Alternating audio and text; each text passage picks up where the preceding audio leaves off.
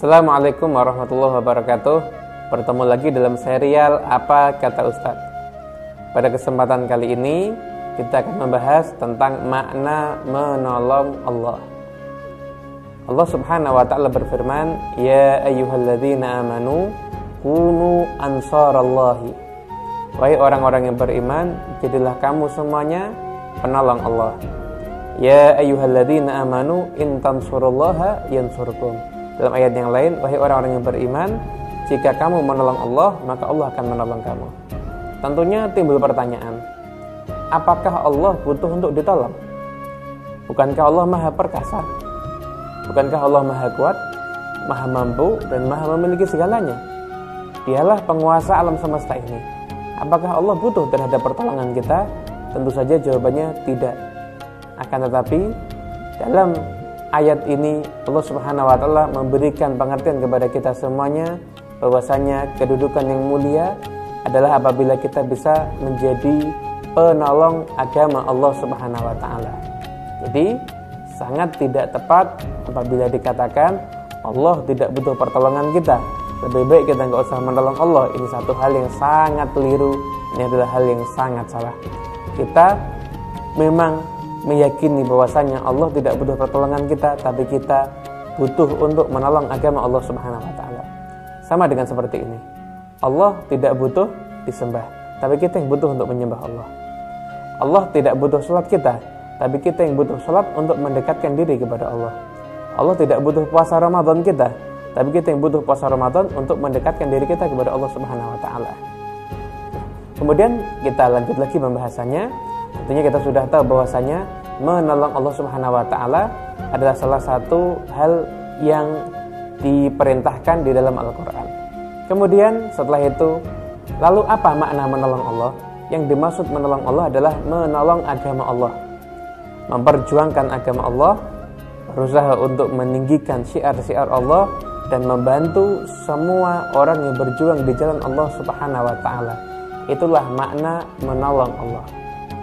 Lalu bisa kita ambil satu kesimpulan bahwasanya segala macam usaha yang bertujuan untuk mengangkat syiar Allah Subhanahu wa taala adalah salah satu bentuk itu adalah menolong agama Allah.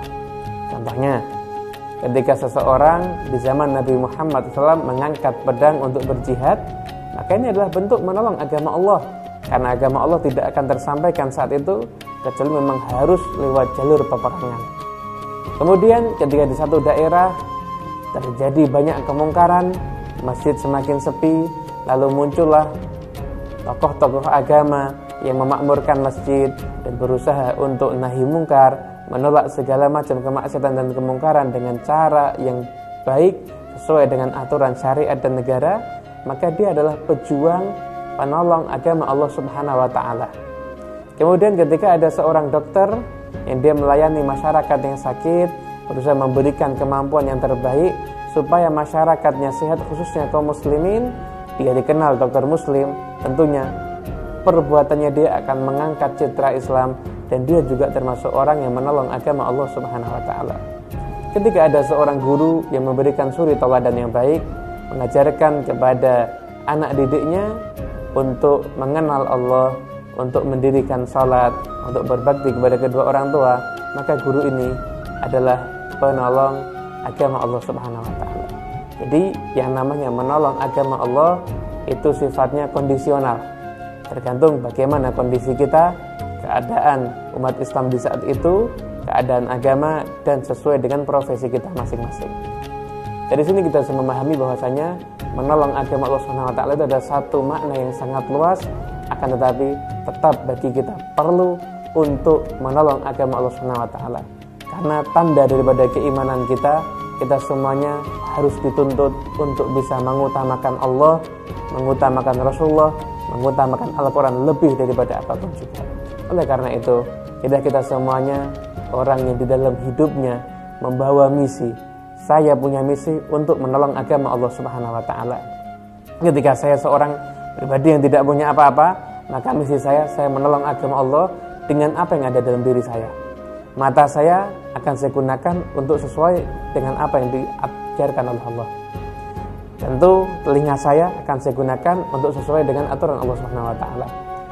Bahkan seluruh anggota tubuh saya akan bergerak sesuai dengan aturan Allah. Inilah makna menolong agama Allah. Ketika saya kepala keluarga, tentu saya akan perintahkan istri saya untuk menjalankan aturan Allah. Perintahkan anak saya untuk menjalankan aturan Allah. Akan saya hidupkan agama Allah di dalam rumah tangga saya. Ketika saya bos dari salah satu perusahaan, tentunya akan saya besarkan agama Allah di dalam karyawan saya. Saya akan buat peraturan, saya karyawan harus mengerjakan sholat, karyawan harus rajin membaca Al-Quran, karyawan harus berjamaah. Ini dalam wilayah saya tentunya saya boleh menolong agama Allah dalam sisi karyawan saya. Ketika saya menjadi pemimpin, maka pemimpin Allah SWT bukan hanya akan ditanya bagaimana sholat kamu? atau bagaimana puasa kamu, tapi pemimpin akan ditanya bagaimana agama Allah di daerah pimpinan kamu. Berapa masjid yang kamu bangun, berapa masjid yang kamu makmurkan, berapa manusia yang kamu sadarkan kembali jalan yang benar, dan berapa banyak manfaat yang kau berikan kepada kaum muslimin dan kemaslahatan kaum muslimin. Tentunya ini adalah satu hal yang menjadi penting untuk kita semuanya. Semoga membawa manfaat. Assalamualaikum warahmatullahi wabarakatuh.